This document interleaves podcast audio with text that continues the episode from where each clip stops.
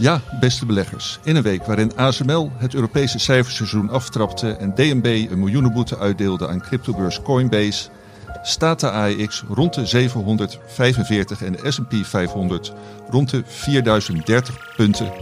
Tijd om te praten over beleggen. Dit is voorkennis. Three ways to make a living in this business. Be first, be smarter, or cheat. I don't cheat. Beleggersbelangen presenteert voor kennis.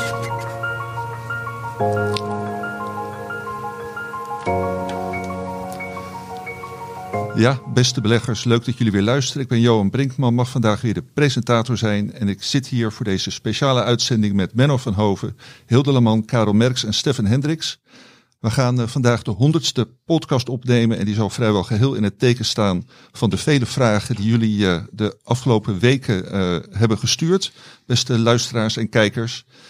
Um, dank daarvoor. maar voordat we met het beantwoorden van veel van die vragen beginnen, zoals altijd wel een start met een terugblik op de afgelopen week.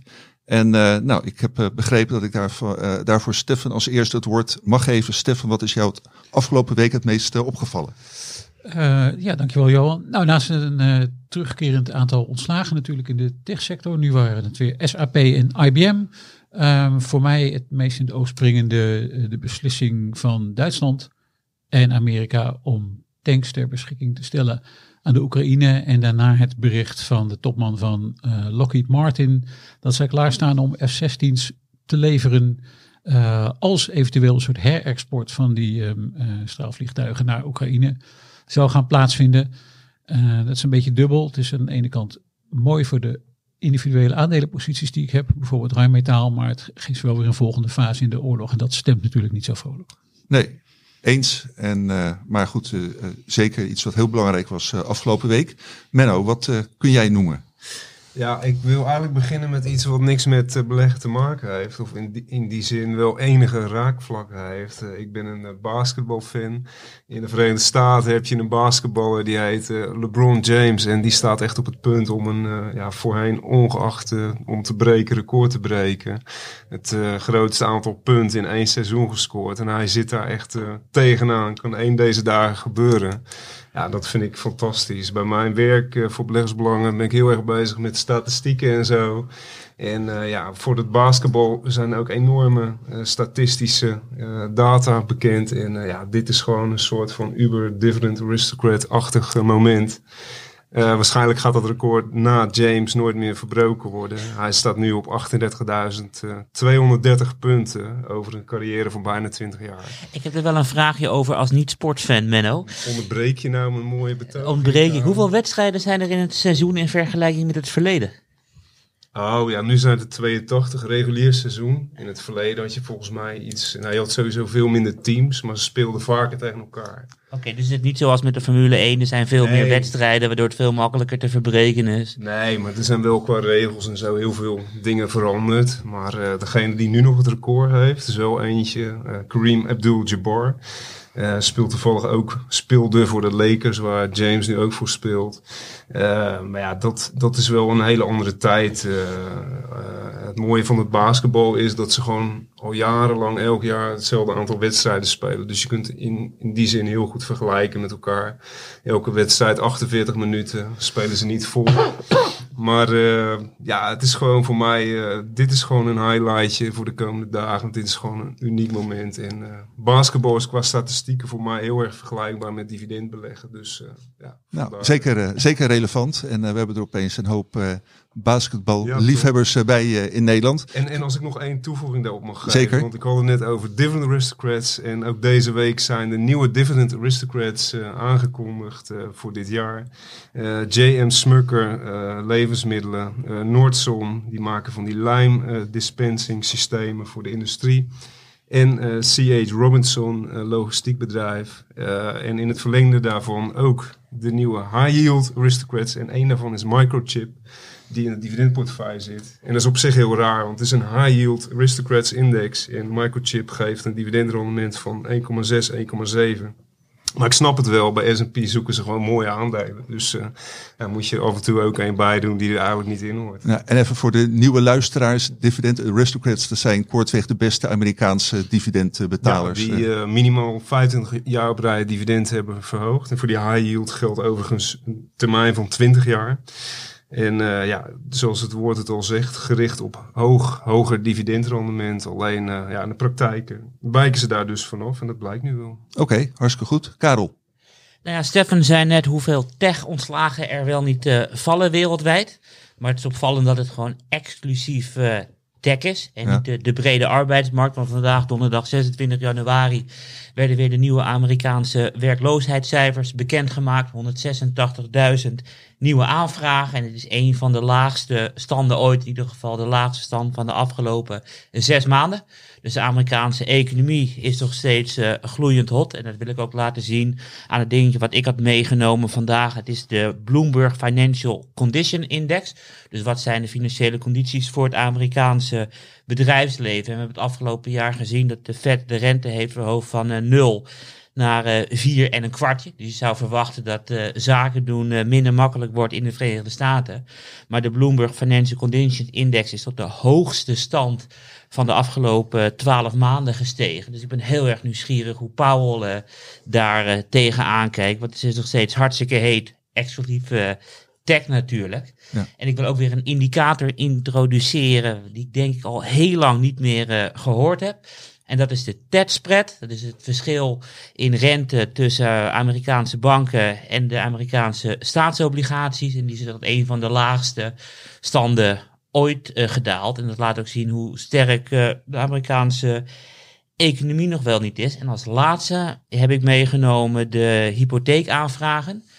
Uh, die index stond in december op 150. Het is nu 250. Dus er worden ook veel meer hypotheken aangevraagd in de afgelopen maanden. En het is de hoogste stand sinds zes of zeven maanden geleden. En heb je het ook over de Amerikaanse ja, hypotheek? Dus het is hartstikke booming. En, en, morgen, volgende week, gaat de Fed erop reageren wat ze daarvan vinden. Maar ja, alles wordt nu opgezet voor een uh, teleurstelling. Dus ik kijk met bijzonderheid uh, naar de Fed uit. Ja, nou daar gaan we dan uh, volgende week ongetwijfeld het in deze podcast over hebben. Hildo, wat is jou afgelopen week het meest opgevallen?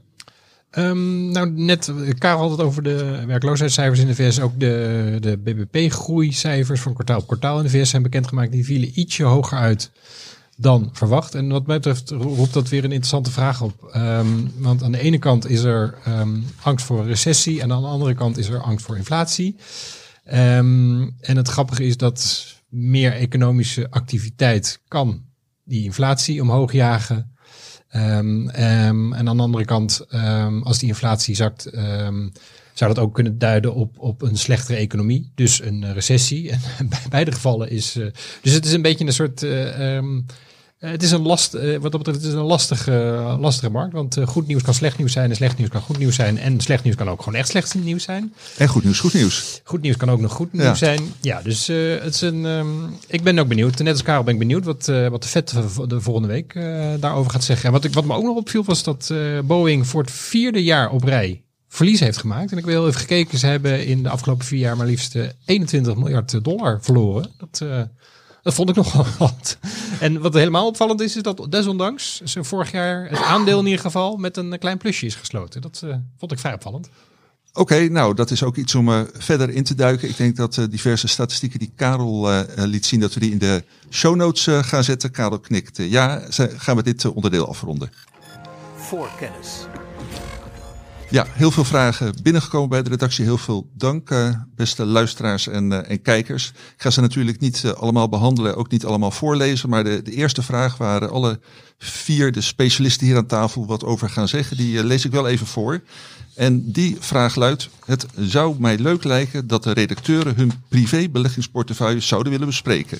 Niet zozeer de concrete inhoud, maar meer de algemene opbouw, hun uitgangspunten, visie, beleggingshorizon, risicotolerantie, de twijfels, etc. Uh, nou, dat is nogal wat. Ik heb uh, de heren wel gevraagd daar kort en bondig voor, zo, voor zover mogelijk op uh, te reageren. Hildo, mag ik wat dat betreft bij jou beginnen? Um, ja, dat mag. Um, om te beginnen, in mijn optieportefeuille zitten vrij veel optieposities. Ehm, voor mensen die het weten, ik, ik schrijf wekelijks een optietip. En die optietip die voer ik ook altijd zelf uit. Dus alleen al daardoor ehm, bouw ik behoorlijk wat eh, optieposities op. Ehm, een ander deel ehm, is eh, aandelen. Die houd ik, houd ik eh, behoorlijk lang vast. Op, principe als ik een aandeel koop, dan koop, doe ik dat voor jaren. Ik, eh, met aandelen ga ik niet lopen spelen met het idee van... nou, dan kan ik die over twee maanden voor weet ik veel hoeveel meer verkopen. Dat is niet het idee. Ehm, en een, het derde, het derde hoofdbestanddeel in mijn portefeuille is cash. Omdat met opties kan het nogal hard gaan. Dat weet ik. Ehm, en het kan ook maandenlang tegenzitten. En ehm, een goede buffer tegen die hoog risico, dat hoog risico gedeelte in mijn portefeuille, eh, vind ik cash. En cash zorgt er ook voor dat ik ehm, in allerlei omstandigheden ook nog eh, van kansen gebruik kan blijven maken. Dus bijvoorbeeld eh, in begin 2020, maar ook bijvoorbeeld vorig jaar, in hele slechte beurstijden, heb ik gewoon cash om nog eh, nieuwe dingen op te zetten. En dat, is- dus voor mij is dat dan altijd een hele belangrijke factor in mijn portefeuille. Eh, ja, wat betreft risicotolerantie, ik denk dat dat duidelijk zal zijn. Mijn risicotolerantie is vrij eh, hoog, om het zo maar te zeggen. Ik, ehm, met opties kan het heel snel gaan, en zowel positief als negatief. De, de kans dat je 100% verliest is, is niet onaanzienlijk. Tegelijkertijd kan het ook met 100% eh, stijgen. Dus, ehm, en dat, dat accepteer ik allemaal. Dat, ja, over, over horizon. Zoals ik al zei, voor aandelen is het heel lang. En voor opties is het, ja, opties hebben een, eh, een beperkte looptijd. Dus dan, dan is het sowieso, per definitie, eh, is dat eh, dan vrij kort. Ehm, en dat is, ja, dat, dat, dus zo ziet mijn, mijn portefeuille eruit. En heb je ook heel een bepaalde regel dat je ongeveer het aandelengedeelte even groot wil hebben als het optiegedeelte? Of hoe, heb- hoe kijk je er tegenaan? Ik heb tussen daar een de- beetje vuistregels voor. Ehm, die drie, ehm, die drie laat, ik, laat ik maar zo, eh, even pijlers noemen. Daar eh, heb ik een, een verhouding voor. Ehm, maar dat is ook een beetje afhankelijk van het beursklimaat. Als het heel hard omhoog is gegaan, dan wil ik dat, dat die, die, die cash eh, mag wat mij betreft wat, wat groeien. Terwijl als het juist heel slecht gaat op de beurs, dus dalende koersen, Ehm, dan wil ik die cash daar juist gebruiken. Dus dan vind ik het niet erg als dat cashpercentage zakt. Ik heb daar wel een soort richt eh, percentages voor. Maar dat, ja, dat iedereen die een portefeuille heeft, die weet dat dingen, zodra je het eenmaal begint, gaan, eh, gaan koersen veranderen. En veranderen dus ook die Ik vind percentages. het echt reuze interessant. Kunnen we het een heel klein beetje concreet maken? Want ik bedoel, we kunnen op twee manieren kijken of we hoog of laag staan. Dus ik bedoel, aandelen zijn natuurlijk eh, een stuk lager dan in einde van 2021. Ja. Maar we hebben sinds de herfst hebben we wel een enorme rally gehad. Kijk je dan ten opzichte van eind 2021 of ten opzichte van die rally? Hoe dicht zit jij daar bovenop? Ehm, nou, die rally die ehm, is als je beursbreed. Kijk, bij bepaalde aandelen is het echt heel hard gegaan in januari. Maar als je beursbreed kijkt, bijvoorbeeld eh, de VS is niet zo super hard gegaan. Het is wel, eh, wel aardig, behoorlijk gestegen. Maar ik, het gaat mij meer om echt grotere golven. Kijk, bijvoorbeeld 2021 ehm, eh, is, het, is het best wel hard gegaan. Ehm, dus ik heb het echt over, over als beurzen in relatief korte tijd met tientallen procenten stijgen. Dus, Dat we zijn, dan- nu zijn we niet hard omhoog gegaan. En het is, nog Voor- niet, het is nog niet voldoende voor mij om te zeggen van nou nu moet ik echt wat meer eh, wat dingen gaan verkopen om, eh, om eh, en, en, en wat meer cash eh, achter de hand te houden. Maar mag je dan zeggen dat je nu neutraal gewogen in aandelen zit, om een beetje een mooie vakterm te gebruiken? Ik hou het. ehm, ik, ik zit. Het ligt een beetje aan waar ik. vergeleken met de gemiddelde portefeuille heb ik, heb ik denk ik altijd veel cash. Maar dat komt vanwege de, die optiecomponent. Eh omdat ik weet dat dat gewoon heel erg hoog risico is. Ehm, dus ik zit waarschijnlijk ook met aandelen zit ik ook een tikkeltje laag. Eh, en wederom vanwege die, eh, ten opzichte van, laten we het gemiddelde noemen. Ik, 60% bijvoorbeeld aandelen, dat haal ik meestal niet eigenlijk. Om maar eens wat te noemen. En dat is omdat ik met die opties zoveel risico neem. En Hildo, van, nou, jij geeft zelf aan eh, behoorlijk eh, hoog risico dat je loopt. Lig jij daar wel eens wakker van? Ehm, Letterlijk? Nee, nee, eigenlijk niet. Nee, ik, eh, ik ken de klappen van de zweep inmiddels. En ehm, ik accepteer ze. Kijk, als je van tevoren echt gewoon goed weet eh, wat je doet en welke ehm, eh, risico's je neemt. Dan volgens mij, ja, dan zou je, als het goed is, niet wakker hoeven te liggen van je beleggingen. Ik bedoel, zoals ik al zei, ik weet dat ik als ik een optie, positie in, inneem, dat ik een week later kan denken van, had ik het maar nooit gedaan, omdat het al 80% gezakt is. Dat, dat- ja, it's all in the game. Dus eh, dat, dat accepteer ik gewoon. Ja, oké, eh, helder. Dankjewel uh, Hildo. Karel, wat voor uh, belegger ben jij en hoe kijk jij tegen de thema's aan die in de vraag genoemd worden? Nou ja, ik heb een heleboel verschillende thema's uh, die ik in mijn privéportefeuille bespeel. Weet je, en eentje daarvan is dat nou ja, westerse aandelen. Ik bedoel, als je kijkt naar de afgelopen 400 jaar, ongeveer elke 10 jaar een rendement behalen van 100%. Dus dat thema wil ik sowieso bespelen. En vaak zie je dan op het moment dat dat niet gebeurt, dat je in jaar 11 tot jaar 20, nou ja, soms al twee verdubbelingen krijgt. En op het moment dat het 20 jaar niet gebeurt, wat echt heel erg zeldzaam is, dan komt er echt een fantastische periode aan, omdat aandelen heel erg laag uh, gewaardeerd zijn. Ja, tot hoe ver gaan die data terug? Uh, 1604, maar toen hadden we het, e- of 1602 moet ik zeggen, hadden we het eerste aandeel. Maar in 1615 had je al 15, uh, ruim 15 aandelen. En uh, daar is gewoon indices van. Daar hebben we ook wel eens over geschreven. Ook wel leuk om in de show notes te zeggen. Maar als je dan kijkt naar zo'n hele slechte periode. Als bijvoorbeeld eind jaren 60, begin jaren 80. Uh, schoot helemaal niks op. Nou ja, het gevolg daar was dan wel. Dus op het moment dat je in 83 ging beleggen. Dat je de eerste verdubbeling had je in 85. De tweede verdubbeling had je in uh, 93. En de derde verdubbeling had je in 96. Kijk, en ik ben nog een jonge man. Dus ik heb uh, ruim 30 jaar de tijd nog om te beleggen. Dus het maakt me ook niet uit met die waardering. Dus dit onderdeel blijft er gewoon, gewoon in zitten. Oké, dus jij bespeelt gewoon de brede markt en uh, ja, de wetenschap dat uh, als je dat over een langere periode kijkt, dat er altijd verdubbelingen zitten aan te komen. Klopt, maar dat is een één thema, weet je. En ja. ik heb heel veel meer thema's. Ja. En ik heb het ook allemaal uitgeschreven, dus ik weet zeker dat je me gaat afkappen omdat het veel te lang gaat duren. Maar wat ik nog even het woord ben, kan ik het tweede thema behandelen. Ja. En dat is dat je vaak ziet dat groeiaandelen en waardeaandelen, dus groeiaandelen zijn de aandelen met de, die hard groeien met de hoogste koers-winstverhoudingen. En laag uh, gewaardeerde aandelen zijn vaak de aandelen niet zo hard groeien. Die gaan vaak haasje over in de geschiedenis. Dus die hebben vaak soms een periode van 10 jaar uh, die verschrikkelijk goed zijn. Dus kijk bijvoorbeeld naar de periode tot uh, 1973. Dan had je de Nifty 50 aandelen. Die gingen echt compleet door het dak en trokken ook de verschillende indices omhoog. Toen had je tot het jaar 2000, had je tien jaar lang het allemaal ging om, om telecom, internet, et cetera. En we hadden dus tot 2021 10 fantastische jaren met de Fangman aandelen. Dat zijn volgens mij Facebook, Apple, Netflix, Google, um, Microsoft, Nvidia, weet ik wat er allemaal in zit. Die hebben het ook fantastisch gedaan. En vaak zie je dat die tien jaar daarna de waardeaandelen heel erg goed presteren. Dus ik bedoel, nu beleg ik dus ook in dat gedeelte van mijn portefeuille die op dit thema inspeelt, gewoon op aandelen met een hele dikke cashflow als bijvoorbeeld Chevron. Nou ja, ze melden gisteren, wat was het, de 25e, dat ze voor 75 miljard aandelen gaan inkopen. Dat is echt, uh, echt enorm. Dat is gewoon het cashgedeelte of de cashflow laag gewaardeerde PI, koerswinsthouding, in een enkel cijfertje gedeelte van mijn portefeuille, om het zo maar even te omschrijven. Ja, en is dat dan bij wijze van spreken van de ene dag op de andere dat jij switcht van groei naar waarde en andersom? Uh, nee, het is natuurlijk, je bouwt posities op en uh, dus het is nooit dat je het op echt één dag kan pinnen, natuurlijk. Maar kijk, nu zie je dus wel heel erg duidelijk dat bijvoorbeeld met die grondstoffen, um, dat er vanaf 2021 wat veranderd is. En de hoofdreden is, we hebben nooit meer geïnvesteerd om die productiecapaciteit heel flink uit te breiden. Dus er is gewoon vraag naar grondstoffen en naar dat soort aandelen.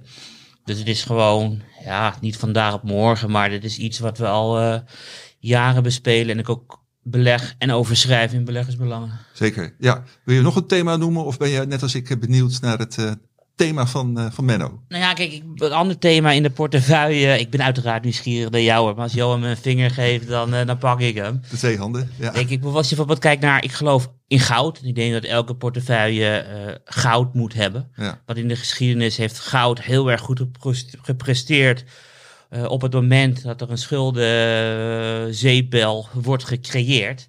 En die kan je alleen maar oplossen met een negatieve rente. En heel veel mensen missen, denk ik, uh, hoe fantastisch goud uh, gepresteerd heeft. Als je kijkt naar de AX, inclusief uh, dividenden, zit je op 150% deze eeuw. Goud zit al op ruim 500%. En ik denk nog steeds dat uh, dit keer zijn het misschien niet de centrale banken die iedereen te hulp komen, maar wel de overheden die graag hun uh, tekorten laten oplopen. Dus ik denk dat die goudtrend nog lang niet uh, over is. Oké, hartstikke goed. Menno, er zijn veel mensen die naar jou uit kijken. Menno schuift even een stukje op.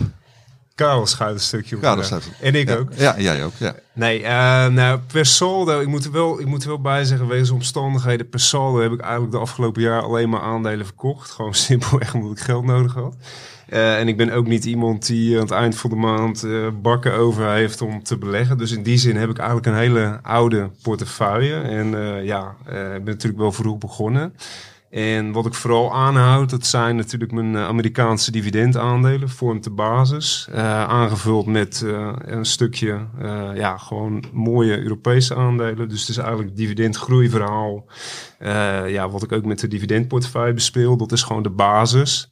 En ehm, ja, daarnaast heb ik wel een heel klein stukje. Want ik merk wel, en dat zal ja, herkenbaar zijn voor veel mensen, als je minder te beleggen hebt, dan word je over het algemeen, of dat is mijn persoonlijke ervaring, ga je toch wat meer speculatieve uitstapjes maken.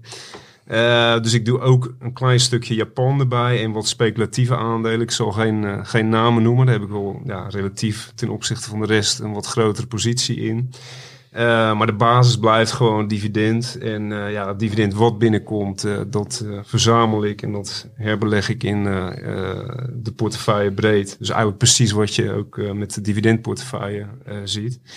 En ik doe dat voor de lange termijn. Ik ben in principe ook altijd vol belegd. Eh, geen cashpositie voor mij. Als de markt daalt is dat spijtig. Maar ja, Ik kan anders... toch met Martin beleggen, Menno dan? dat kan ook, maar dat is zeer onverstandig, Karel. Dat weet je. Nee, tuurlijk. De, eh, zonder gekheid. Maar eh, nee, ik, in principe ben ik altijd vol belegd. En eh, gewoon dividendgroeithema. En ja, dan moet je wel naar de Verenigde Staten, Europa. Heb je wel een paar leuke aandelen. En Japan is wel een markt die die kant op beweegt. Maar ja, dat blijft, blijft een hele lastige markt. Weinig informatie beschikbaar. Nauwelijks analisten die het volgen. En vooral hele kleine bedrijven qua market cap. Dus eh, maakt het per definitie eh, speculatief. En eh, ja, dat is het. Dus eh, een beetje à la dividendportefeuille voor de lange termijn. Ja, oké. Helder, dankjewel uh, Menno. Nou, uh, Stefan, wat uh, is jouw uh, filosofie en aanpak zoals deze vragensteller graag wil weten? Nou, net als de meeste collega's beleg ik ook niet voor een jaar, maar echt voor meerdere jaren. Gespreid en dan gespreid over Europa en de VS en gespreid over aandelen die sneller groeien en aandelen die wat minder groeien en laag gewaardeerd zijn. Ik beleg alleen maar in aandelen waarvan ik echt alles heb doorgespitst zelf, zodat ik er echt alles van weet. Dus het zijn er ook niet ongelooflijk veel. Uh, en verder heb ik wat kleine posities in grondstoffen. Hoe herbalanceer jij, Stefan? Want jij bent natuurlijk, uh, kijk, Menno en ik zijn nog hartstikke jong. Dus ik bedoel, wij hebben. Nou, Stefan is ook hartstikke jong, althans vergeleken met mij. Hè? Ja, ja, ik bedoel, is het toch, ik bedoel, ook al is het maar tien jaar, hij is toch um, bijna tien jaar ouder dan ons, dat ik het heel voorzichtig zeg. Dus ik denk dat hij een, een iets grotere portefeuille heeft dan, dan Menno en, en ik. En ik vraag me ook, en op het moment dat ik elke maand aan het kopen ben, dan zorg ik voor dat er. Uh, vind ik al heel lastig van koop je de, de best presterende aandelen, koop je de, de slechtst presterende aandelen. En ik herbalanceer eigenlijk nooit. En ik ben heel nieuwsgierig op het moment hoe jij herbalanceert en aan je posities schaaft. Nou, ik herbalanceer ook niet zo heel erg veel. Dus als ik gewoon bijkoop, zorg ik er eigenlijk dat alles een beetje is zoals ik dat had willen hebben. En ik accepteer wel tijdelijk dat ik, want ik koop niet uh, alles voortdurend in dezelfde hoeveelheden bij. Dus ik kan ook accepteren dat ik tijdelijk even wat of wat ruimer in groei zit. Of wat uh, ruimer in waarde. Soms iets meer in mijn uh, nutsaandelen zit. En soms iets meer in pharma. Dat hoort er een beetje bij. Maar na verloop van tijd is alles wel weer rechtgetrokken zoals ik dat wil hebben. Oké, maar je, je hebt niet zoiets van. Met je maandelijkse aankopen koop je de winnaars van de portefeuille of de, of de achterblijvers. Want ik wil, je hebt natuurlijk in de uitzending uh, heel vaak gezegd uh, dat je in rijmetaal zit. Dat heb je ook gezegd voordat het misging in Oekraïne. Dus echt gewoon op de laagste waarderingen zat jij erin. Um, dan zie je dus het aandeel van, ik weet niet, van 50 naar, naar 230 oplopen. En heb je dan zoiets van, ik wil bijschaven? Of zeg je van, ik koop juist rijmetaal extra omdat het momentum erin zit? En die rijmetaals heb ik daarna niet meer uitgebreid. Uh, die positie werd vanzelf groter, uh, nogal in de portefeuille. Ik heb wel gekozen om daar, uh, is een paar maanden, twee maanden geleden, Henselt aan toe te voegen. Uh, dus daar zit ik wel ook weer meer in, een, uh, in de defensiehoek van aandeel waarvan ik, nou, zoals ik geschreven heb, uh, zeg maar wat later in de defensiecyclus nog wat meer van verwacht. dan van Rijnmetaal. Dus zo doe ik dat wel. Dus het, kan ook zijn dat ik bepaalde aandelen een tijdje niet aan eh uitbreid. Heb ik ook met Thermo Fisher bijvoorbeeld niet gedaan. En voor de luisteraars die niet lid zijn van beleggersbelangen. Hoe volgende week heb jij geloof ik Stefan een eh, omslagverhaal over de defensieaandelen. Waar ik persoonlijk heel erg graag naar uitkijk. Dus ik zou zeggen, neem een abonnement luisteraars. Eh, en eh, ja, ik heb ook nog wel een vraag, eh, Stefan. Want eh, ja, behalve veel van aandelen weet je ook heel veel van obligaties. Eh, zit je daar ook eh, persoonlijk in? Eh, nee, en daar was ik afgelopen jaar wel blij om, eh, moet ik eerlijk zeggen. Ehm, komt ook omdat ik wel eh, voor de lange termijn beleg en de aandelen die ik in portefeuille heb, eh, verwacht ik van koersrendement al meer van.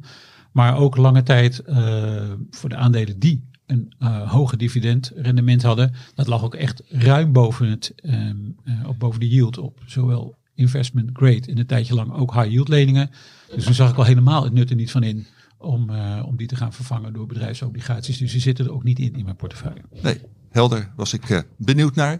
Nou, dank jullie wel. Dit als een soort kennismakingsrondje.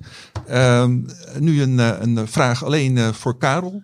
Over een heel ander onderwerp. Eh, Karel, een van onze luisteraars, die eh, is eh, opgevallen dat jij na corona, toen dat een beetje op zijn end begon te lopen, weer ja, enthousiast werd op een gegeven moment over, over reisaandelen. Volgens mij was dat toen er weer zich een nieuwe golf aankondigde en ja, reisaandelen weer heel hard naar beneden schoten. En jij dacht van ja, dit is een moment om, om in te stappen. En, eh, en hij, het is een hij, wil graag weten hoe jij nu tegen reisaandelen aankijkt. Klopt, ik heb het thema eenmalig bespeeld. Dat was eind eh, december een jaar geleden. Er was er een nieuwe variant van corona, Omicron. Zuid-Afrikaanse dokters zeiden van eh, het is de mildste variant van allemaal. Europa en de Verenigde Staten zeiden ja, dit is niet zo. Voor de zekerheid gooien we de grenzen dicht. Nou ja, dat vond ik onzin.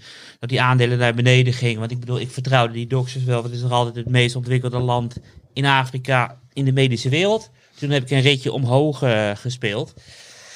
Kijken we nu hoe het er nu is. We hebben natuurlijk China die weer heropent. Chinezen mogen weer eh, het buitenland in en gaan weer massaal reizen waarschijnlijk. Als je dan kijkt naar de Europese reissector, dus de stok 600, de travel en leisure sector sinds oktober eh, plus 40% Neem je de sterke euro mee, dus kijk je in Amerikaanse dollars, is het zelfs bijna, nee het is plus 56% Dus volgens mij zijn die aandelen al compleet door het dak aan het gaan. En ik weet niet wat explosieve groei zou moeten zijn. Maar 56% in drie maanden tijd denk ik al heel veel is ingeprijsd. Ja, dus niet eh, per se een eh, aanrader om nu in reisaandelen te stappen. Klopt. Ja, duidelijk. En eh, ja, Menno, kennelijk is lezers en luisteraars ook opgevallen dat jij graag het landenthema bespeelt. En eh, er is een, eh, een fan van onze show die eh, graag wil weten hoe jij tegen Franse en Duitse aandelen aankijkt. Nou weet ik toevallig dat jij met name Frankrijk ja, nogal enthousiast bent over aandelen daar. Kun je daar wat over zeggen? Nee, zonder meer. Eh, Franse, Duitse, ja, nee, ik woon tegenwoordig vlakbij Duitsland. Dus eh, in die zin heb ik daar wel een link mee. Nee, maar qua eh, dividend in Europa, Frankrijk heb je wel gewoon heel veel mooie dividendaandelen. Het is sowieso een hele grote beurs qua aantal noteringen. Zeker vergeleken met Euronext Brussel of Amsterdam. En je hebt gewoon een heel breed aanbod van verschillende bedrijven. Dus in die zin ja, is er veel, veel moois. Ook veel kleinere aandeeltjes zijn daar te vinden. Eh, dus in die zin, ja, in Europa zijn dat wel de. Frank Frankrijk sowieso is het gewoon een belangrijk dividendland. Duitsland wat minder. Eh, ja, interessant is misschien ook wel dat in Duitsland betalen alle bedrijven één keer per jaar dividend. Dat is echt eh, ja, geen enkele halfjaarlijkse uitkering. Uitzonderingen daar gelaten van bedrijven met een thuisbasis elders. Zwitserland volgens mij overigens ook bijna allemaal, maar dat terzijde. Eh, maar de vraag volgens mij die ging ook vooral om de pensioenverplichtingen. Eh, nou, moet Ja, dat- zijn wel inderdaad landen die eh, ja, wat andere maatschappelijke problemen hebben dan, dan wij. Precies, precies. Nou, ik ben geen pensioenexpert of in, in op dit thema heb ik me nooit echt heel erg in verdiept. Het belangrijkste is denk ik gewoon als je een aandeel koopt, kijk gewoon naar de fundamentals van dat aandeel. Doe aan stockpicking en kijk niet land of, of regio breed. En dat heb ik eigenlijk nooit gedaan, ook met de dividendportefeuille. Ik wil gewoon mooie aandelen hebben. En per definitie betekent dat gewoon een sterke balans. eh, ook om klappen, eventueel bijstorten van een pensioentekort, om dat te kunnen opvangen. En eh, wat je in de praktijk ook ziet, dat zijn vooral de bedrijven eh, ja, in, in de wat ik noem slechte sectoren als telecom, maar ook autobouwers en eh, ja, bekende namen. General Motors, G, Ford in Duitsland, Lufthansa, ThyssenKrupp. Dat zijn bedrijven met of voorheen een pensioentekort. Ja, en dat zijn ook nou niet de aandelen die een mooie track record qua dividend hebben. Dus in die zin, als je je richt op echt goede aandelen, nou ja, of, zoals ik naar beleggen kijk, eh, dan, eh, dan he- heb je in principe geen last van het hele pensioenverhaal. Dus jij negeert het eigenlijk, Menno, dat de ambtenaren in Nederland een, eh, een pensioen hebben. En dat betalen we via pensioenfondsen. In Frankrijk eh, doen ze niet aan ambtenaren pensioenen, want het wordt betaald uit de lopende begroting. Dus er gaan echt enorme tekorten ontstaan en misschien wel flinke belastingverhogingen. Ondanks dat zeg je Franse aandelen geen probleem. Nou ja, wat ik zei, het blijft gewoon een kwestie van stockpicking. En eh, je hebt gewoon heel veel verschillende bedrijven met eh, verschillende verdienmodellen. En eh, ja, een farmaceut of een, eh, of een autobouwer of een, eh, een bedrijf met heel veel schulden op de balans. Ja, dat, eh, die gaan gewoon op totaal andere manier, mocht het al ter sprake komen, geraakt worden als dat aan de orde is. Maar nogmaals, ik ben niet een expert op dat gebied. Ik Nee, kijk maar- gewoon naar individuele aandelen. En je moet gewoon zorgen dat je juist de sterke bedrijven eruit pikt. Die Dus ook- zaakjes ook- op orde hebben. Ook in bredere zin eh, trek jij je eigenlijk weinig aan van de economische situatie in een Nee, land. maar precies. Maar macro is iets waar ik me totaal niet mee bezig hou. Ik eh, kijk echt Nee. naar de individuele performance van eh, bedrijven. En de echt goede bedrijven, ook uit Frankrijk en Duitsland, die zijn ook gewoon, die zijn juist vooral actief buiten het thuisland. Dus eh, dat zijn niet bedrijven die 100% van de omzet in Frankrijk of in Duitsland halen, maar juist bedrijven die heel veel uit de VS, opkomende markten, et cetera, eh, halen. Dus dat is denk ik ook wel belangrijk eh, om, om te zeggen. Maar ja, misschien dat andere collega's hier een, nog een aanvulling op hebben. Nou ja, volgens mij hebben we het thema op zich goed besproken. En vraag was ook aan jou gesteld, omdat jij eh, nou, je veel in landen verdiept, zoals ook in, eh, in Japan. Eh, ik wou eigenlijk naar een vraag toe gaan die, weer, die ik aan jullie alle vier wil voorleggen. Namelijk, ja, als je één favoriet aandeel zou mogen noemen wat je zou kunnen kopen en waar je bij wijze van spreken de komende vijf jaar niet naar om hoeft te kijken, waar je zo van overtuigd bent, welk aandeel zou dat dan zijn? Kun jij daar, mag jij daar het spits afbijten, Hildo? Ehm, ja, nou, om te beginnen. ehm één is eh, nogal weinig. ehm, want dat het impliceert er een beetje dat, dat ik dat het allerbeste aandeel, aandeel vind. En alle andere aandelen, ehm, of alle andere interessante aandelen, eh, dat ik die minder vind. En dat zo werkt niet helemaal. Maar goed, eh, de vraag was, kies er eentje in dit geval. En toen ben ik uitgekomen op ASMI. Daar heb ik een aantal redenen voor. Ehm, het is ook een van mijn redactietips. Ik verwacht dat, eh, de, ehm, dat de chipsector om verschillende redenen nog flink zal groeien de komende jaren. Ehm, kunstmatige eh, intelligentie is daar een voorbeeld van. eh, zelfrijdende auto's, maar bijvoorbeeld ook duurzaamheid. Dat, daar gaan we ook nog behoorlijk wat chips voor hebben. Tegelijkertijd zie je nationalisering. Ehm, landen als de VS, Japan, maar ook Europa en natuurlijk China, die willen allemaal een eigen chipindustrie, een sterkere chipindustrie creëren dan ze nu hebben. Ehm, nou, dat betekent gewoon dat er meer fabrieken moeten gebouwd worden. Eh, eh, eh, en, zelfs zo dat er waarschijnlijk ehm, overcapaciteit gaat ontstaan. Maar goed, overcapaciteit, daar zijn dus allemaal, daar is apparatuur voor nodig, er zijn machines voor nodig. Ehm, en dat is wat ASMI onder andere levert. Je hebt in Nederland drie sterke bedrijven in deze sector. En ze zijn wat mij betreft, wat mij betreft alle drie zijn, ze, zijn ze koopwaardig en interessant. En, maar ik denk dat je er een soort, laten we zeggen, risico ehm, rangschikking kan maken. ASML, de grootste, met de, de, met de sterkste marktpositie van de drie, ehm, is relatief het minst, riskant, denk ik. Ehm, maar zie je ook het minste, zie ik ook het minste koerspotentie, omdat het simpelweg al een vrij duur aandeel is. Daaronder zit eh, ASMI en eh, helemaal onderaan, meest riskant, maar ook het meeste koerspotentie zit, eh zit Bezi. Ehm, ik heb voor, eh, voor deze aflevering heb ik dus eh, heb ik gekozen voor de middenweg eh, ASMI. Uh, ASMI heeft een hele sterke positie in ALD, dus een bepaalde technologie, daar, daar zijn ze echt marktleidend in. Ze hebben een oersterke balans. Ehm, de vooruitzichten zijn goed en de waardering als je, als je kijkt naar, ehm, naar mijn winstverwachting voor dit jaar. En die lijkt me redelijk haalbaar omdat het orde- orderboek gewoon stampvol zit. Ehm, dat is ongeveer eh, een KW van 24. Dat klinkt dan misschien een tikkeltje hoog, maar ASML zit een stuk hoger. En als je bedenkt dat er nog behoorlijk wat winstgroei mogelijk is, dan valt 24, eh, wat mij betreft, eh, valt wel mee. Dus dat is, ehm, dat is mijn, mijn keuze. Ja, helder. En eh, nou heeft de chipsector vorig jaar een vrij slecht jaar gehad. Ze begon overigens al wel te herstellen. Ehm, jij verwacht voor het aandeel ook voor het komende jaar wel eh, eh, ja, al potentie? Of is het echt iets waar, waar je niet moet op een jaar moet letten, maar gewoon zeggen, Nou ja, sowieso. Ik, ja, ik zei het net al, ik, ik kies aandelen, dat ook voor mijn portefeuille, maar ik kies aandelen voor de langere termijn. Ik, ik ben niet zo heel erg fan van de korte ritjes. Ehm, kijk, ik verwacht eh, de, de chipsector in zijn algemeen zit nu wel in een soort van cyclisch neergaande periode. Dat eh, komt wel vaker voor. Eh, en die, die duren soms eh, een jaar, soms anderhalf jaar. Het kan ook korter zijn, kan ook langer zijn.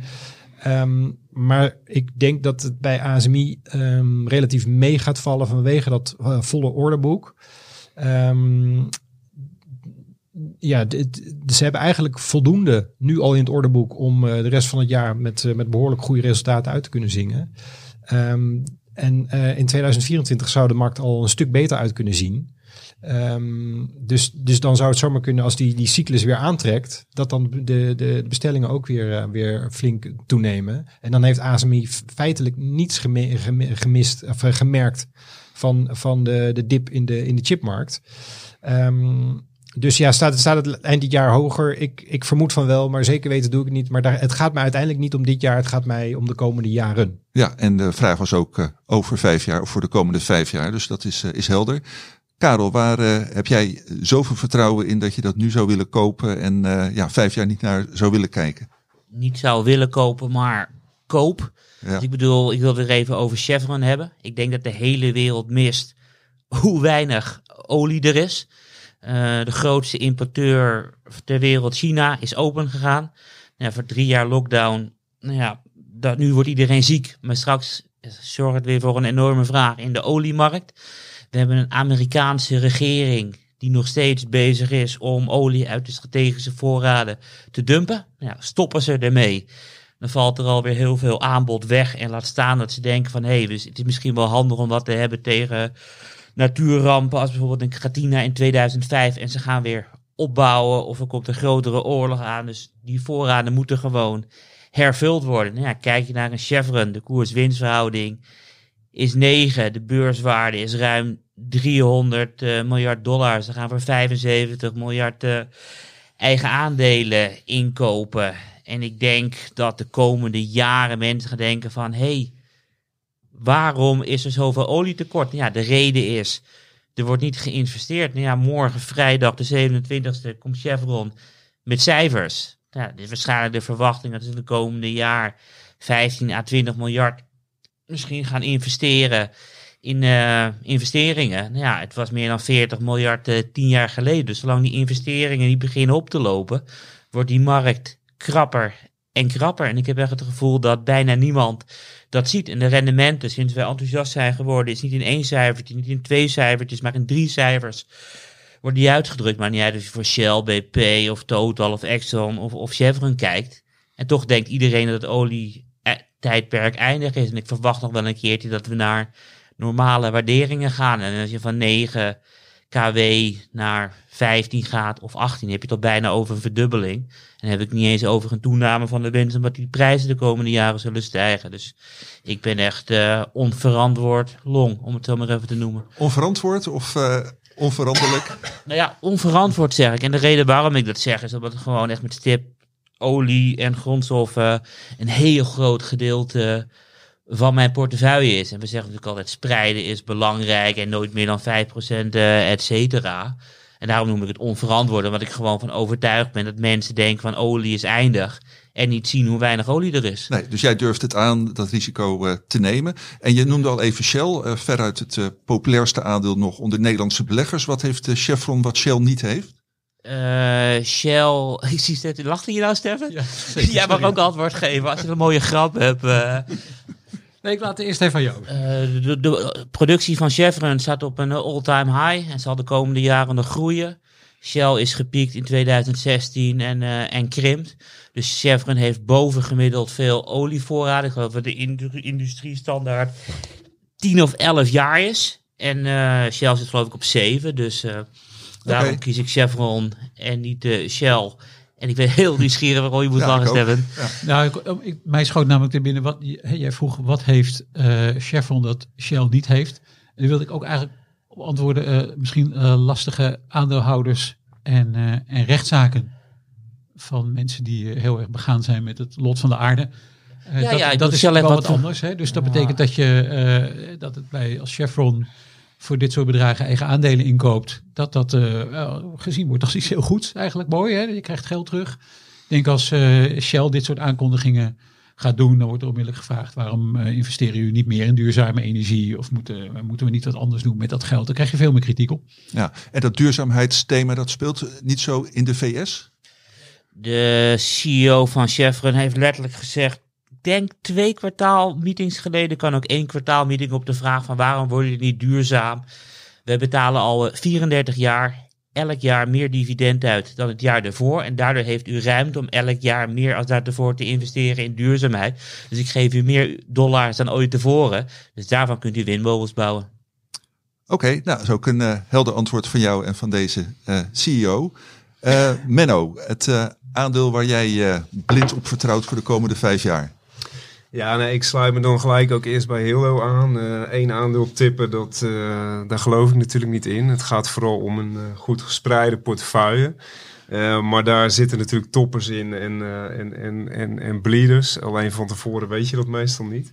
Een aandeel waar ik heel veel vertrouwen in heb, is toevallig een aandeel wat ik deze week ook uitgebreid in het magazine heb beschreven. Dus ik ga er niet te veel over vertellen. Dan moeten mensen maar een mooi abonnement nemen op beleggersbelangen. Maar het betreft Parker Hennefin. Uh, dat is een uh, industrieel bedrijf. richt zich steeds meer op luchtvaart. Ze zijn marktleider op het gebied van motion and control technologies. Dus ja, eigenlijk alles wat met bewegende onderdelen voor vliegtuigen, maar ook medische apparatuur. Ehm, ja, heel breed gespreid. We maken honderdduizenden producten. Uh, geen één van die producten is goed voor uh, meer dan uh, 1% van de omzet. hele goede ge geografische spreiding ook. En het leuke aan dit bedrijf is dat ze periodiek elke twee, drie jaar een hele grote overname doen. Vaak op een heel goed moment, als de koers van het desbetreffende bedrijf onder, onder druk ligt. laatste overname was die van Meggitt, Britse defensie uh, slash luchtvaartbedrijf.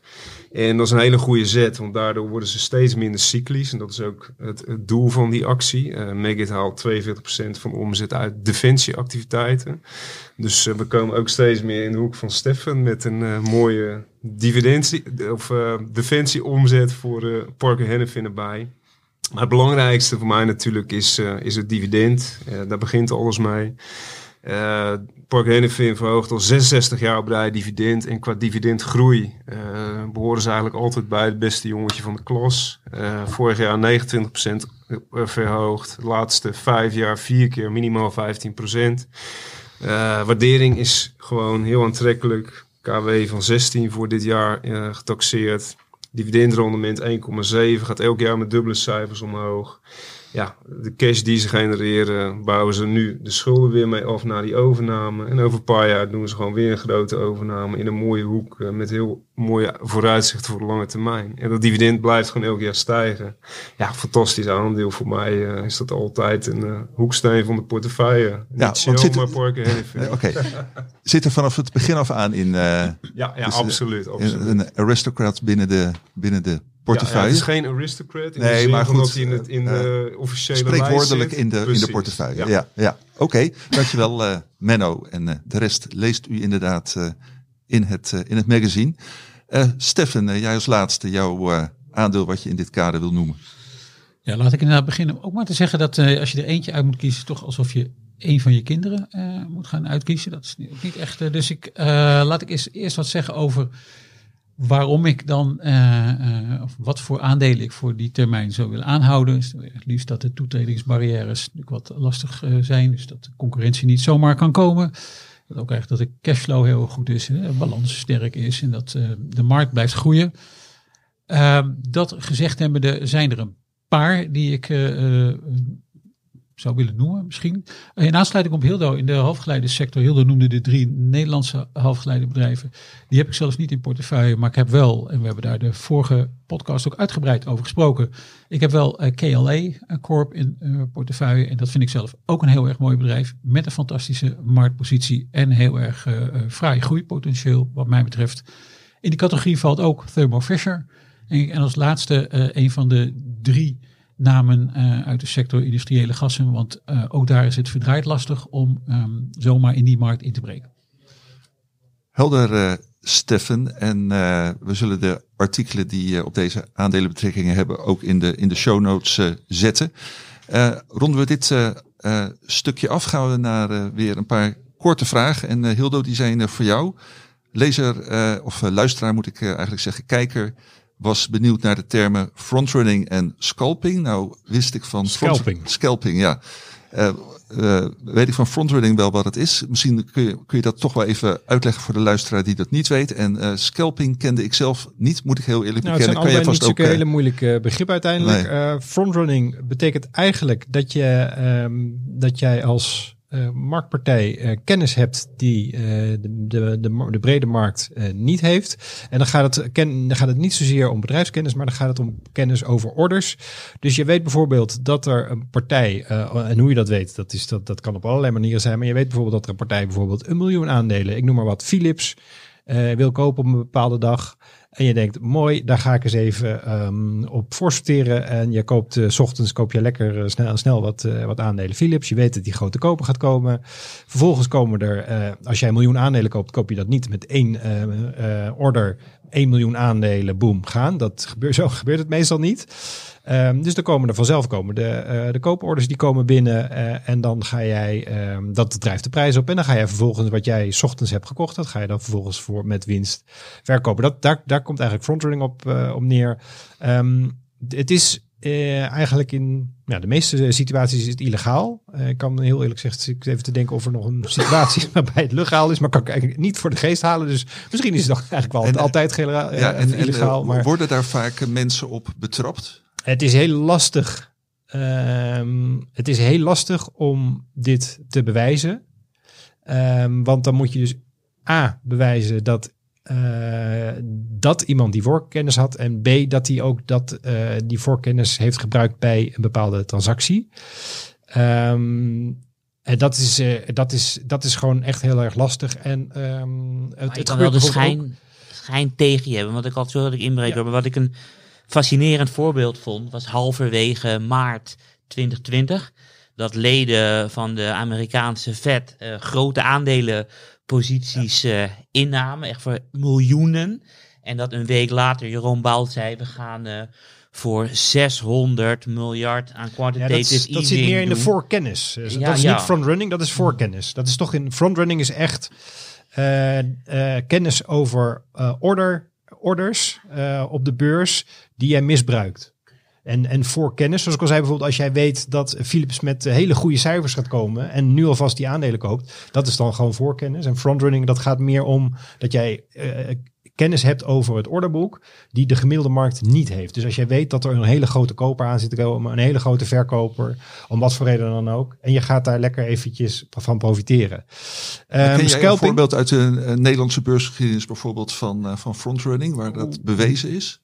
Nou, wat, wat wel, eh zo was een, tij, een, eh, een tijd geleden ehm, was het wel praktijk dat beurzen ehm, dit soort eh orderboekinformatie verkochten aan marktpartijen. Dus marktpartijen wisten ehm, eh, bijvoorbeeld hoe het orderboek eruit zag voordat het, dat in eh, en dat, dat, dat daar zat er dan een heel, heel klein verschil in. Dus marktpartijen wisten van tevoren al, oké, deze kooporder komt er in de en dat kun je met een computer kun je dat allemaal assemble- assembleren tot een bepaald marktbeeld. En dat, dat, is, dat is dan nog niet real-time op de markt te zien. Dus dan op die, en dat is, eh, ehm, ja, ik ben altijd heel erg tegen geweest dat dat soort marktdata verkocht wordt aan handelspartijen die daar gewoon misbruik van, van maken, want dat is het. En ik neem ook aan dat het, eh, dat was toen wel een klein relletje en dat ik neem aan dat dat eh, inmiddels niet meer mag. Ehm, en als particulier sta je er ook verder vrij machteloos eh, tegen. Want dat, dat, dit zijn dingen die niet als particulier... Ja, je kan er iets aan proberen tegen te doen, maar het is heel erg, erg lastig. Dit zijn meer partijen als de AFM. Die moeten hier eh, op letten en, eh, en ingrijpen ehm, als dat gebeurt. Tegenwoordig, eh, alles is natuurlijk... eh, vrijwel alle beurshandel is elek- elektronisch. Ehm, dus dit, dit, tegenwoordig gaat het meer eh, om frontrunning algo's dan eh, die partijen die proberen ergens ook maar een klein voordeeltje eruit te krijgen. En dat zal, eh, dat zal voorlopig nog wel zo blijven.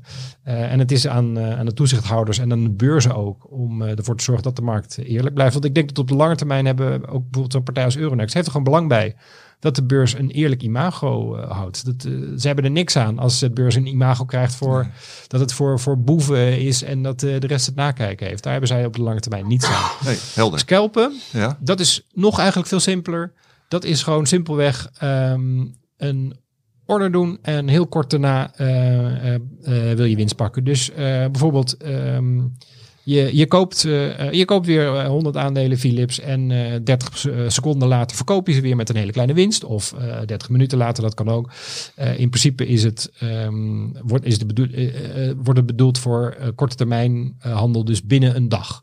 Dus als jij het meerdere dagen aanhoudt dan, en ver- verkoopt het dan met wind, dan is het eigenlijk al er is niet echt een heel duidelijke schei, eh, hoe heet het? Eh, ja, er is niet een super duidelijke definitie. Het is een soort, niet een soort scheidsrechter die zegt dit is scalping en dat niet. Maar scalping is dus eigenlijk gewoon verkopen met winst ehm, in een heel kort tijdsbestek. Dus het, eigenlijk is het gewoon eh, daghandel, kun je het ook noemen. ja. Dat is alles.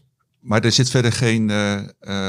is, is niet verboden, het lijkt mij. Nee, dat nee, is- is- nee, Dat is de hele, omdat, het hele idee van, omdat het, van in hetzelfde, ver- omdat het in hetzelfde verband wordt gevraagd als, eh, als frontrunning. Maar, nee, eh, scalp, scalpen is het.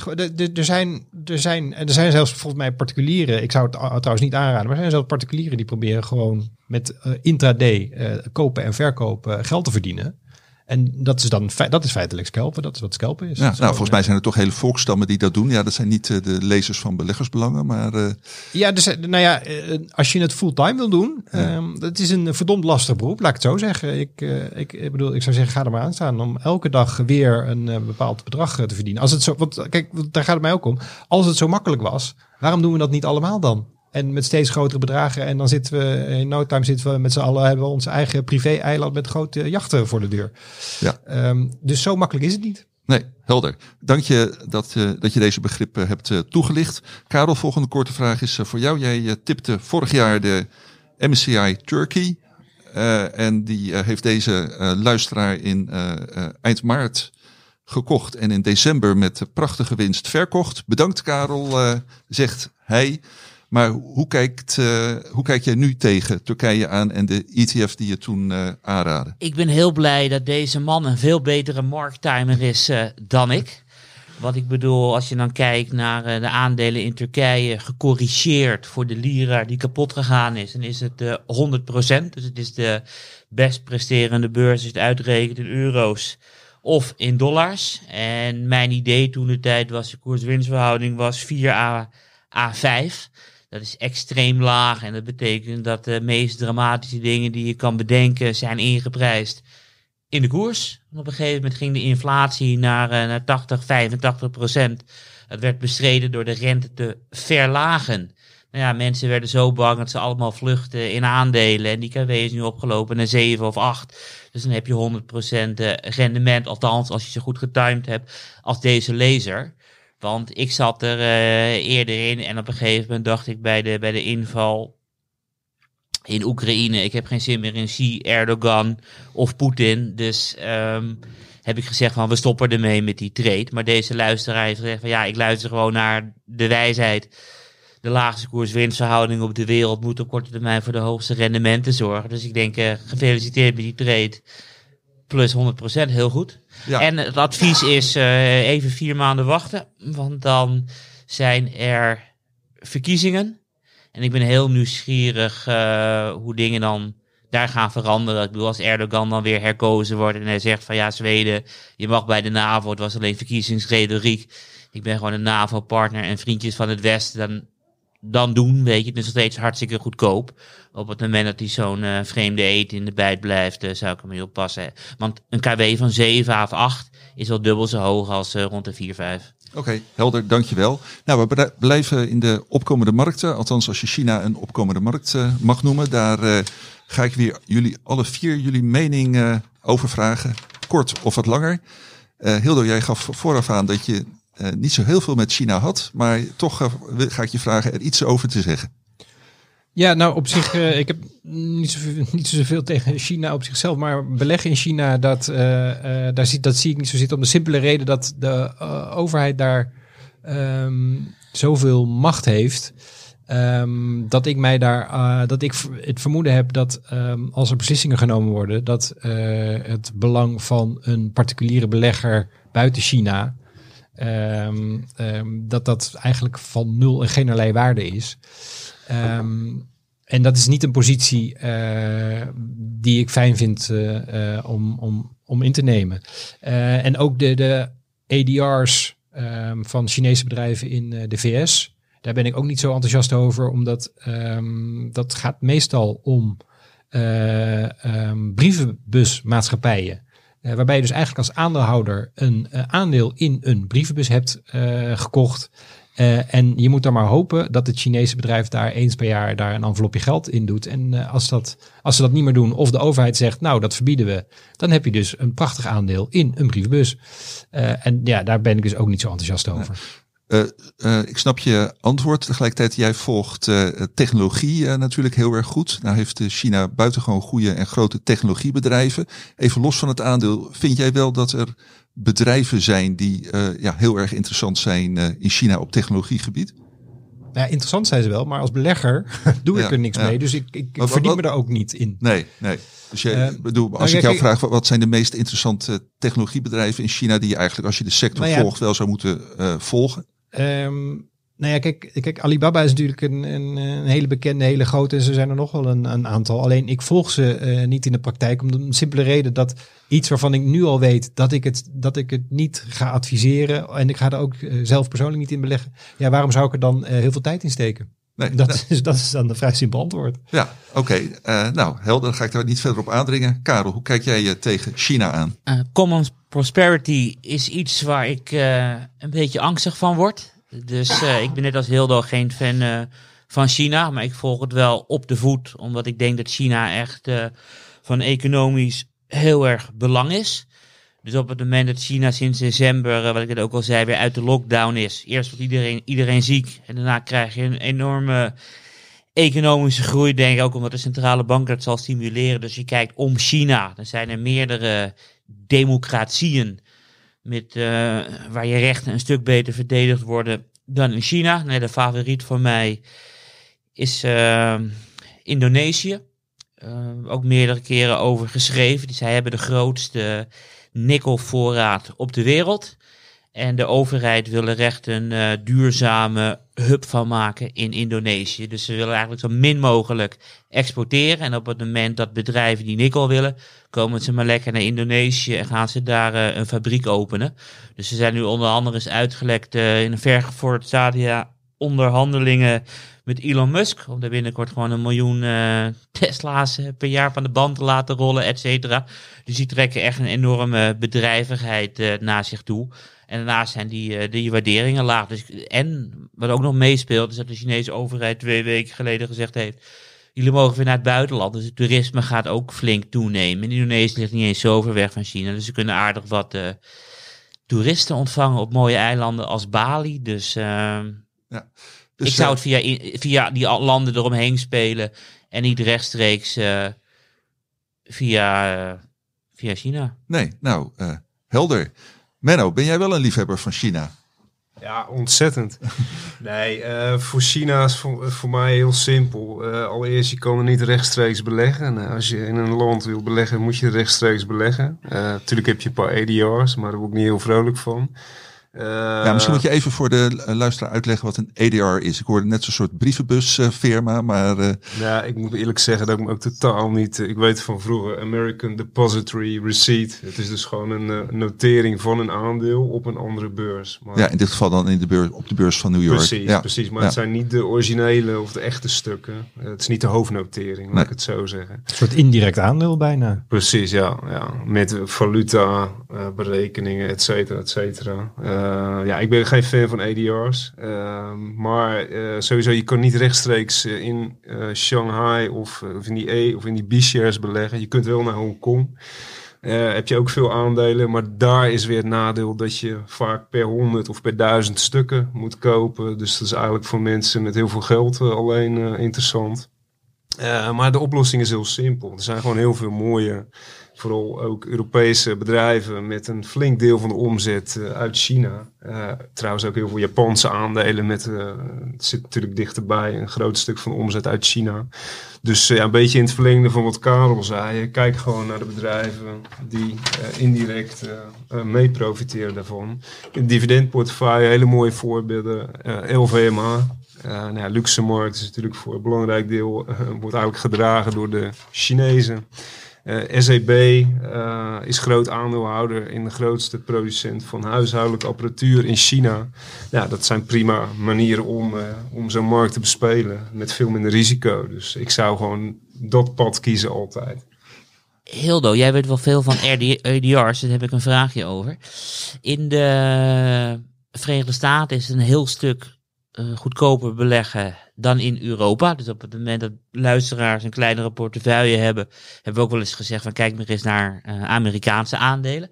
Is er een reden te bedenken om geen ASML in New York te kopen, omdat daar de transactiekosten een stuk lager zijn? Ik die reden, nee. Dat, eh, kijk, ASML, ik, had het net over die Chinese ADR's en die vertrouw ik niet zo. Maar bij ASML zou ik het op zich, ehm, ik zie daar geen, op zich geen bezwaar tegen. Maar de, de, de transactiekosten zullen toch niet zo heel erg verschillen tussen de Amerikaanse en de Europese beurs voor een Nederlandse particulier, zou ik zeggen. Maar goed, dat ehm, eh, valt misschien. ehm, Ik heb het gevoel dat Amerika echt de, met stip de ja, je, hebt- je hebt- maar dan moet je een- ook een Amerikaanse broker-account openen, toch? Dat, eh, En dan zit je eventueel weer met valutakosten en zo, volgens mij. Kijk, er zijn wel hele grote Europese ADR's die enorm liquide zijn. Volgens mij ook kijk je bij de meest verhandelde in de US staat altijd Nokia bij. ASML zou er ook wel eens tussen kunnen staan. Klopt. Dus in die zin, daar zou, dat zou ik nog wel aandurven. Maar waarom zou je het doen als je het ook gewoon hier kunt kopen? Ja, en ik zou, zeggen, ik zou uiteindelijk, ja, tenzij je inderdaad echt heel erg kleine transacties doet, dan zou ik, zou ik zeggen, waarom zou je het jezelf moeilijk maken als je voor een 1 of 2 euro meer ook gewoon op precies de Euronext kan kopen? dat. Zou ik zelf zeggen. Maar goed, dat, eh, ehm, dat mag iedereen uiteraard voor zichzelf beslissen. Oké, mooi. Eh Stefan, heb jij, eh, eh, ben jij wel fan van eh, beleggen in China? Eh, nee. Nou, Nee, daar, ja, daar zou ik het bij kunnen laten. Maar ik kan er ook nog wel iets anders, graag. misschien nog iets anders over zeggen. ja. Ehm, nou, ik vind China wel, eh, zoals wij, zeg maar, westerse beleggers tegen China aankijken, is denk ik wel heel erg veranderd de afgelopen pak een beet. eh, eh, 15, 20 jaar. Een tijd lang natuurlijk gezien als de groeimarkt, waar je moest zijn voor grondstoffen, voor groeiende middenklasse. Allemaal heel erg positief. Eh, meer, meer, meer verdienen in China. Eh, nou, het is een paar keer in deze podcast aan de orde gekomen. Ik volg nogal nauwgezet de defensiesector. Een van de redenen waarom defensieuitgaven eh, ook stijgen, is dat er ook her en der in de wereld eh, conflicten kunnen ontstaan. En we niet alleen over de conflicten die nu al lopen. En een van die conflicten die eh, kan ontstaan is die tussen China en Taiwan. Dat is natuurlijk een bron van zorg. Ehm, en dat is wel iets waardoor ik ook wat anders tegen China ben gaan aankijken. Ehm, met de ervaringen bijvoorbeeld van Bas F in het achterhoofd. Eh, die hebben via hun eh, olie- en gasdochter Wintershall ook heel veel zaken gedaan in Rusland. Ehm, wat is het, anderhalve week geleden moesten ze bekendmaken eigenlijk dat, die, eh, dat er gewoon een enorme afschrijving op dat Wintershall moest komen. Want het is natuurlijk geconfiskeerd door Rusland. Er stond geloof ik nog ergens een verdwaalde 2 miljard euro op een rekening die nu bij Gazprom schijnt te zijn. Ehm, met andere woorden, eh, eh, je kan zomaar onteigend worden in hele strenge en onaangename regimes.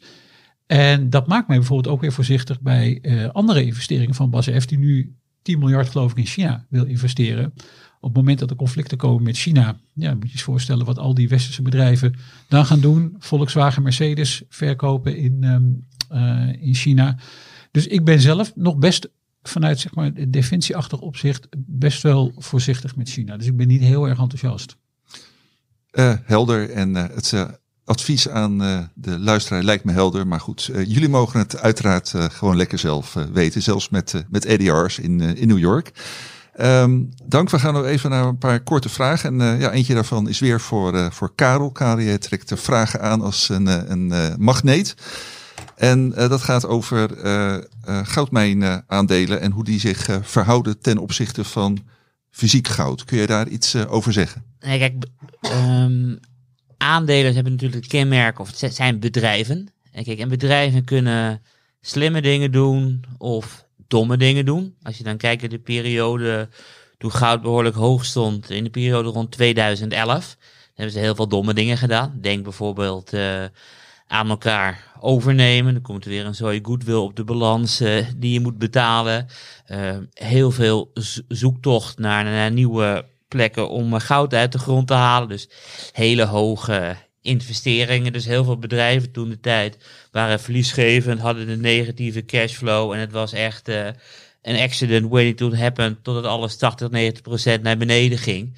Terwijl goud nu eh, wel omhoog gaat, zijn die aandelen nog lang niet terug. Alleen nu is het wel anders, want die bedrijven nemen dus niet meer elkaar over. Dus er staat geen goodwill op de balans. Ze investeren nauwelijks nog meer in nieuwe productie. Dus de kosten zijn heel erg gedaald. Als je bijvoorbeeld kijkt naar eh Barrick Gold. Dus als je kijkt naar de vrije kaststroom ten opzichte van de totale beurswaarde is dat 7%. Ja, ze hebben voor 2021 hebben ze nooit boven de 4, 5% genoteerd. Dus dat soort aandelen zijn nu ehm, goedkoper dan ooit. Alleen beleggers zijn nog heel erg wantrouwig voor de stomme dingen die ze allemaal in 2011 gedaan hebben. Maar wat ik ook al een half uurtje geleden zei. Ik, ik adviseer om gewoon ja, wat minder risico te nemen. Want een aandeelbelegging in goud heeft de afgelopen 20 jaar meer opgebracht dan een aandelenbelegging in Europa. Maar ik bedoel, zo'n Barrick met een free cashflow yield van 7% ziet er wel heel erg eh, aantrekkelijk uit. Ja, Oh, en de disclaimer is, want dat moeten we er wel bij vertellen. Nee, ik bedoel, we, we hadden het vorige keer over. Ik heb, ik heb een positie in de GDX, in de goudmijnen aandelen index. En, en Barrick is met 7, 8 procent wel een van de zwaardere posities in die ETF. eh. heel goed dat je dit eh, inzicht geeft, eh, Karel. Andere korte vraag is, is voor Hildo. Het gaat eigenlijk over thema beleggen, bijvoorbeeld in, in robotica, maar het kan ook in water zijn, waar we deze week een omslagartikel over hebben. Verzin maar een, een thema en je kunt erin beleggen. En de vraag aan Hildo is, hoe kijk jij aan te- tegen thema beleggen via beleggingsfondsen? Ehm, ja, ik ben over het algemeen niet zo heel enthousiast over thema beleggen, omdat het vaak ehm, lastig is om een serieuze portefeuille te vinden voor de maker van zo'n fonds. Om een serieuze portefeuille te vinden met eh, aandelen die echt, echt goed op dat thema inspelen. Ehm, wat je vaak ziet is dat er dan eh, met, eh, ja, met een beetje kunst en vliegwerk wordt er dan een, een, een, een lijstje samengesteld met aandelen. eh, waar, je, waar best wel makkelijk kritiek op te hebben is. Ehm, ik, ik heb wel eens vaker naar, naar het thema aandelen of eh, fondsen gekeken. En gedacht van ja, wat, wat zit je nou, eh, wat, wat koop je nou eigenlijk? Het wij- wijkt vaak dan uiteindelijk weer niet zo gek veel af van ehm, bijvoorbeeld een willekeurig breed eh, aandelenfonds eh, wereldwijd. ehm, eh, bijvoorbeeld een value fund of, of, of dividend. Of, ehm, de namen die je erin ziet terugkomen zijn vaak niet zo, nou ja, niet zo, niet zo revolutionair, laat ik zeggen. En er wordt wel vaak een flinke ehm, rekening voor gepresenteerd voor de beleggers. Dus je moet vaak wel een bovengemiddeld hoog percentage per jaar betalen om in zo'n fonds te mogen beleggen.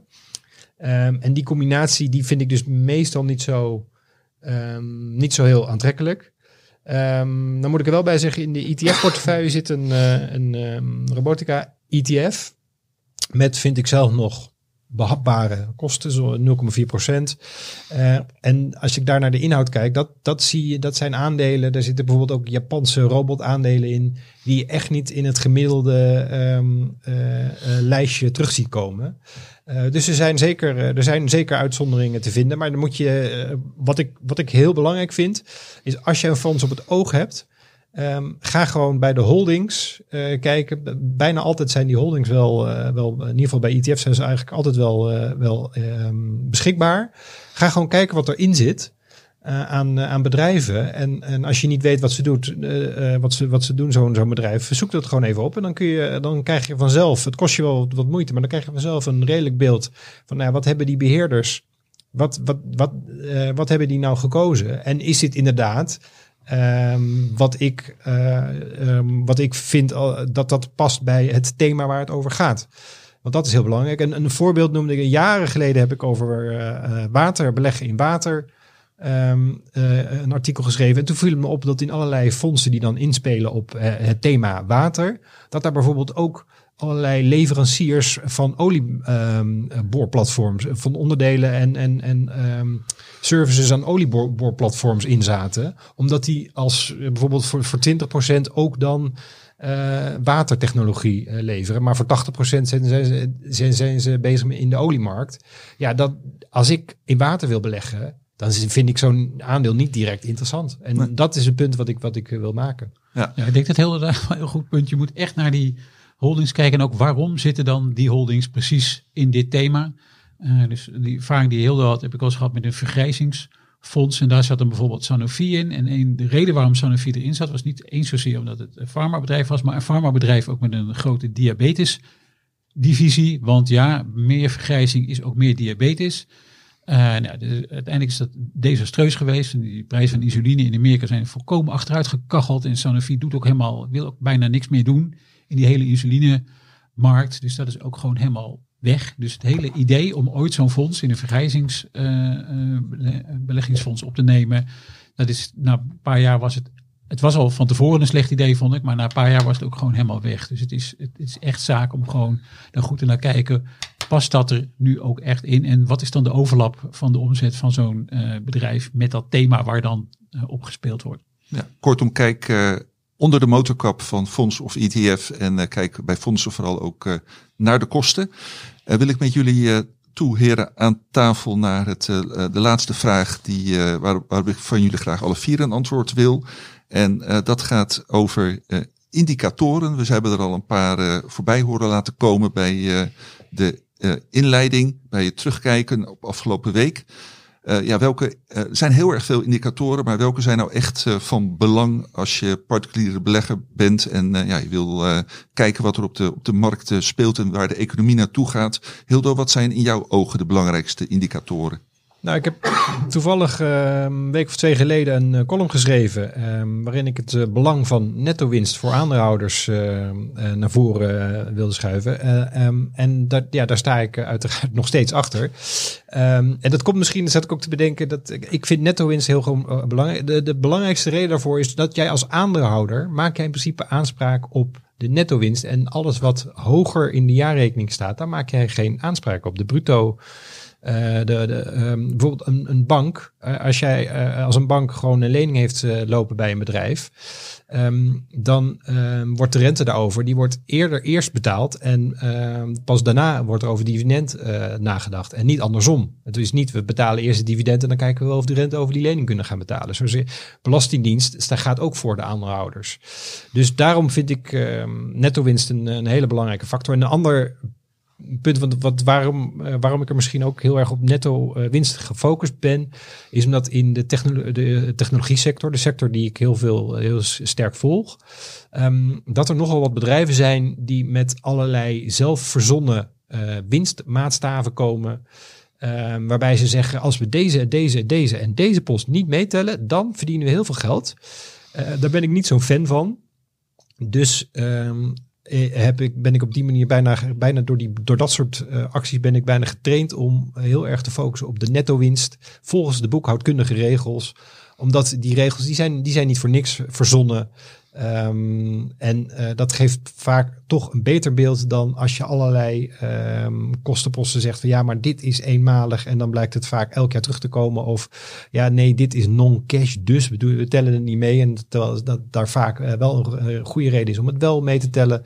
Ehm, dus ik, ik let heel erg op, op eh, qua maatstaven om een aandeel te waarderen. Zit, vind ik netto winstmaatstaven. Dus bijvoorbeeld ook een, een KW vind ik heel, uh, vind ik heel belangrijk. Um, uiteraard, er zijn ook andere maatstaven die, en daar kunnen om specifieke redenen, kunnen die ook belangrijk zijn. Bijvoorbeeld een bedrijf wat uh, flink in de problemen uh, zit, maar wat, waarvan je dan als belegger denkt van oké, gaan die er doorheen komen? Dan is de balans ineens weer heel belangrijk.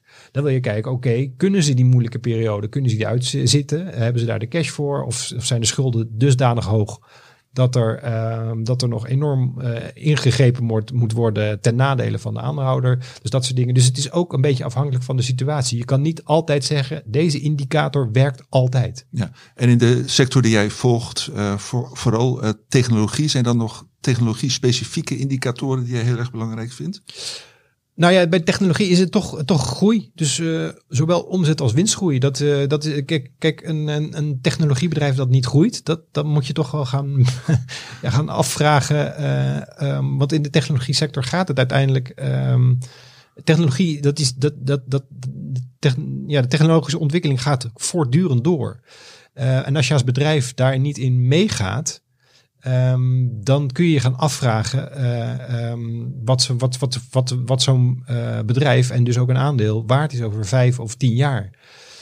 Um, en dat, dus, dus ik vind uh, de winst- en omzetontwikkeling vind ik bij technologiebedrijven ook, ja, dat, daar kijk ik ook altijd heel goed naar. Maar ook bijvoorbeeld naar balans. Ik, ik, het is, ik vind het opvallend dat best wel veel goede technologiebedrijven ook een hele stevige balans hebben. En dat, uh, het valt me wel eens op als je bijvoorbeeld in de industriesector gaat. En dat is ook, daar zijn ook weer, weer goede redenen voor. Maar industrie zijn de balansen veel slechter dan van de goede technologiebedrijven, om maar eens wat te noemen. Ja. Dus, um, maar goed, zoals ik al zei, ik, ik, ik zou zeggen, uh, er is niet altijd één indicator die altijd uh, de boventoon voert. Ja, dat maar de netto winst vind jij dan toch Netto winst is eigenlijk altijd belangrijk. Ja, ja. Eigenlijk altijd. Helder, dankjewel. Karel, welke indicatoren volg jij? Ja, ik vind het fijn om bijvoorbeeld te kijken naar de KW, vooral bij indices. Ja, even de koerswinst voor de Klopt, luisteraar alleen die niet, de gewone winst, nee. maar de gemiddelde winst van de afgelopen tien jaar. En de reden waarom ik het liefst kijk naar de gemiddelde winst, omdat je gewoon ziet wat een houdbare winst is. Dus in de top van de economische cyclus verdienen bedrijven natuurlijk heel veel geld. Door die koerswinsthouding misschien optisch laag lijkt. En op de bodem verdienen ze bijna niks. Um, waardoor het ook niet goed beeld geeft. Maar als je gedurende de hele cyclus kijkt, dan weet je wat um, houdbaar is. En het geeft je ook weer allemaal ideeën waar we staan in beleggerslanden. Als ik bijvoorbeeld kijk naar de S&P uh, 500. We hebben één keer een koers-winstverhouding gehad op basis van die cable ratio van 40. Dat was in het jaar uh, 2000. 40 is echt uh, extreem hoog, want het gemiddelde sinds, wat is het, 1871 is 16. Dus 40 is echt heel erg hoog. Dat betekent maximaal, maximaal vertrouwen. Het vertrouwen is de afgelopen 150 jaar nog nooit zo hoog geweest. Ja, wat is het gevolg daarvan? Dat de waardering van goud nog nooit zo laag geweest als toen der tijd. Soms hebben we hele uh, lage standen van 5. Denk bijvoorbeeld aan, uh, aan 46, maar ook 81, uh, 21 en 32. Kijk, en dat zijn de momenten dat je geen goud moet hebben, want we zijn nog nooit zo negatief geweest als in die jaren. Dus dat zijn ook jaren waarin de goudprijs piekt. Dus als je naar dat soort indicatoren kijkt, dan kan je ook jouw uh, beeld van de financiële markt een beetje aanscherpen. Dus op het moment dat, dat het 40 is, dan ben ik veel voorzichtiger dan zoals het nu, uh, wat zal het zijn, ergens uh, rond 6, 27 is, gok ik. Ja. Dus jij kijkt naar de winst van de afgelopen uh, 10 jaar en ja. hoe je dat onderbouwt, dan, dan, dan, dan, dan snap ik dat. Maar nou zeggen ze altijd, ja, beleggen is vooral ook vooruitkijken en naar hoeveel winst de bedrijven de komende jaren gaan maken. Is dat dan minder belangrijk dan de winst van de afgelopen 10 jaar? Uh, dat vind ik uh, belangrijk. Want ik bedoel, als je bijvoorbeeld kijkt bij, uh, bij Chevron, kijk echt naar wat de komende jaren allemaal gaat gebeuren. Maar ik denk, ik gaf weer even een andere indicator aan. Je, want stel dat we volgens die Sheeler Cape of Cape ratio weer naar 5 gaan. Dan wil ik dus niet in grondstoffen beleggen. Dan wil ik dus niet in goud beleggen. Dan wil ik gewoon 100% in de meest risicovolle aandelen beleggen. Omdat ik weet dat er echt een fantastische boelmarkt aankomt. En natuurlijk, we kunnen ook naar een individueel aandeel kijken en hebben we het weer over mijn free cash flow yield en de verwachtingen. Maar ik dacht, laat ik een keertje een andere indicator geven, zodat het gewoon een varieerd beeld wordt. Want ik denk dat Menno bijvoorbeeld al hebben van, ik vind het heel erg belangrijk dat het dividend structureel elk jaar omhoog ging. Zullen we dat aan Menno en, overlaten? En, en dat wilde ik niet weg, Nou, wegmaaien voor klaar. zijn voeten natuurlijk. eh. Ja, Menno die dreigt op te stappen, maar eh, Karel houdt hem vast. Nee, Eh, slaat een arm om hem heen. Eh, Menno, wat is, eh, Nee, ja, wat is jouw indicator waar jij... eh, Het is echt een mix van, van punten en die verschillen ja, op zich niet eens zo heel veel per bedrijf. Maar ja, waar ik vooral naar kijk, natuurlijk omzetgroei en dan vooral autonome omzetgroei. Eh, vrije kaststroom, wat Karel al zei, want daaruit moet uiteindelijk het dividend betaald worden. En ja, specifiek kijk ik natuurlijk naar dividendgroei, dividendhistorie, operationele marge. Eh, maar dat verschilt ook natuurlijk heel erg per sector. Kun je wel weer vergelijken met concurrenten, et cetera. Eh, ik kijk ook altijd heel goed eh, naar de geografische spreiding. Hoe eh, meer ze in de wereld zitten, hoe beter, laat maar zeggen. Eh, ja, natuurlijk uiteindelijk kom je ook uit bij de KW, et cetera. Eh, maar er moet gewoon groei zijn en er moet gewoon een sterke balans zijn. En eh, een bewezen track record op gebied van dividend. En als je dan naar de vrije kaststroom kijkt, eh, en dan kun je in principe heel makkelijk zien van wat betalen ze nu aan dividend en hoeveel rek zit daar nog in. Ja, en veel, veel ingewikkelder moet je denk ik eh, niet maken. Nee. Nou, dat eh, vond deze vraag zo trouwens ook. Maak het niet te ingewikkeld, dus dat doen we ook niet. Steffen, wat zijn de belangrijkste indicatoren waar je, naar jij kijkt?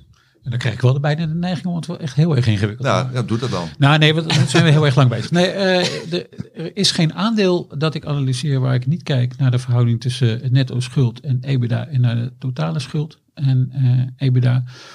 Omdat ik gewoon wil weten hoe eh, sterk de balans is van het bedrijf. En dat is een van de bepalende indicatoren. Verder kijk ik ook graag naar het rendement op het ingezette kapitaal. En niet alleen maar het rendement op het eigen vermogen, maar het rendement op het ingezette kapitaal betekent eigenlijk gewoon wat verdient een bedrijf nu met eh, schuld en aandelen waarmee het zijn activiteiten financiert. Nou, dat lijkt mij nogal belangrijk. Eh, cash conversion vind ik ook wel prettig. Dus ehm, je kan netto winst maken, maar, maar vertaalt zich dat dan ook echt in cash? Want uiteindelijk, eh, als er cash dividend betaald wordt, moet er ook wel echt cash uit kunnen. Dus boekhoudkundige winst is nog wel wat anders dan echte cash. Ehm, en inderdaad, naar wat men net ook zei, free cash flow is natuurlijk heel erg belangrijk. Want uiteindelijk wil je natuurlijk dat een bedrijf gewoon kan blijven groeien, zijn groei kan financieren en dan ook nog wat aan jou als aandeelhouder kan uitkeren. Niet zo heel erg ingewikkeld. denk ik. Nee, en, eh, maar alles bij elkaar toch eh, eh, flink wat indicatoren die de luisteraar op weg kunnen helpen om zelf goed aandelen te selecteren. Eh, we hebben nog eh, een paar leuke korte vragen. En eh, ja, misschien zelf vond ik wel de leukste. En die is voor Menno. Behandel eens de aandelen die je vooral niet moet kopen. Nou, bijvoorbeeld tips die op zondagochtend op de tv worden gegeven door bepaalde goeroes en bepaalde websites. Ik ga ze niet met naam noemen. Ehm, Menno, wat zijn voor jou aandelen of andere beleggingsinstrumenten die je ja, vooral niet moet hebben?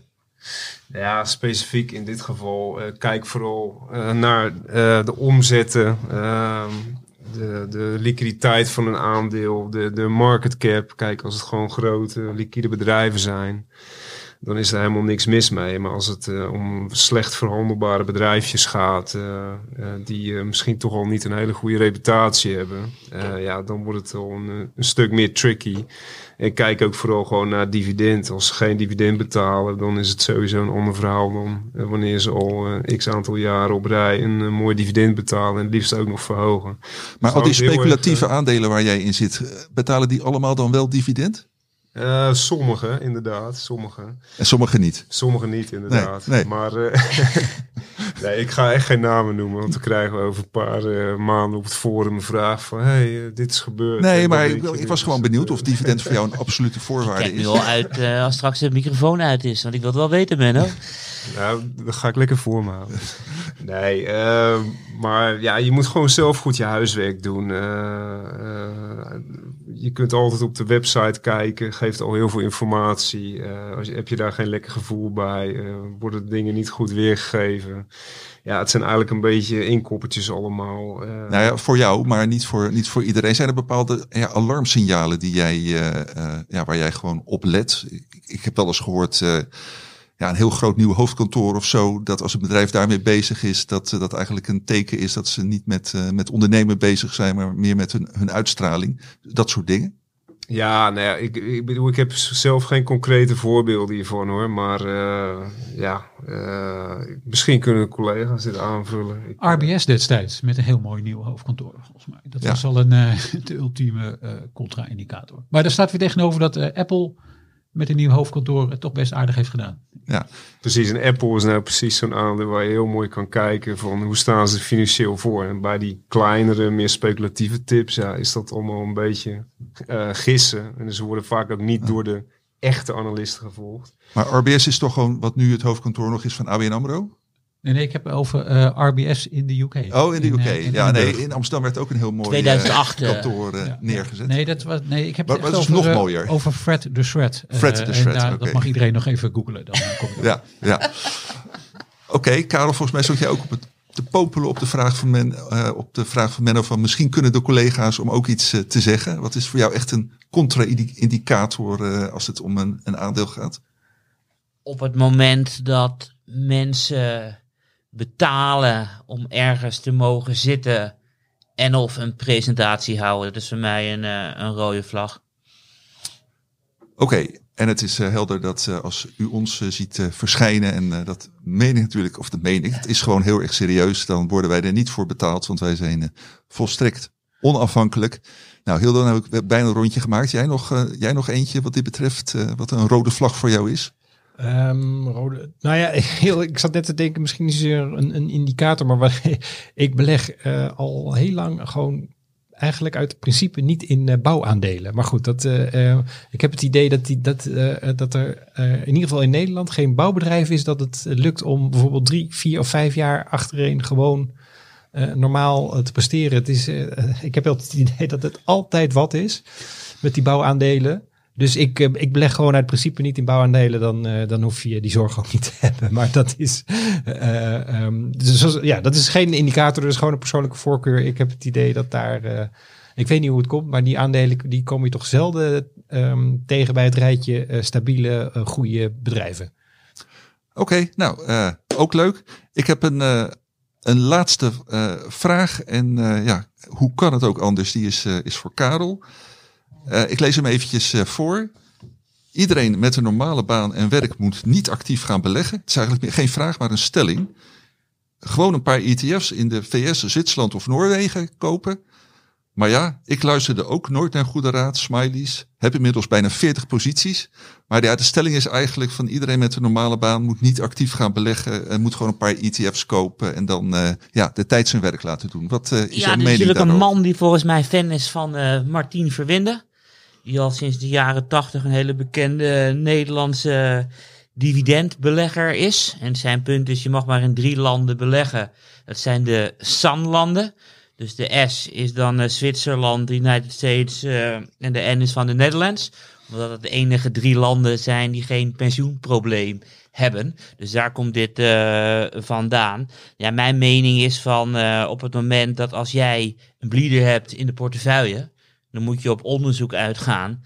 Waarom is dit een bleeder? En je moet begrijpen waarom het een bleeder is. En zo leer je over een periode van tientallen jaren beleggen, terwijl je vermogen langzaam eh, bij beetje, beetje groter wordt. Op het moment dat je geen zin hebt om uit te zoeken waarom een bleeder een bleeder is, want dat is dus 9 van de 10 keer, of misschien wel 99 keer van de 100 een fout dat jij zelf niet genoeg huiswerk hebt gemaakt. Ik bedoel, als je dat niet wil doen, dan sowieso in ETF's. En anders is het gewoon fantastisch eh, om de benchmark te verslaan als je gewoon je huiswerk eh, wil maken.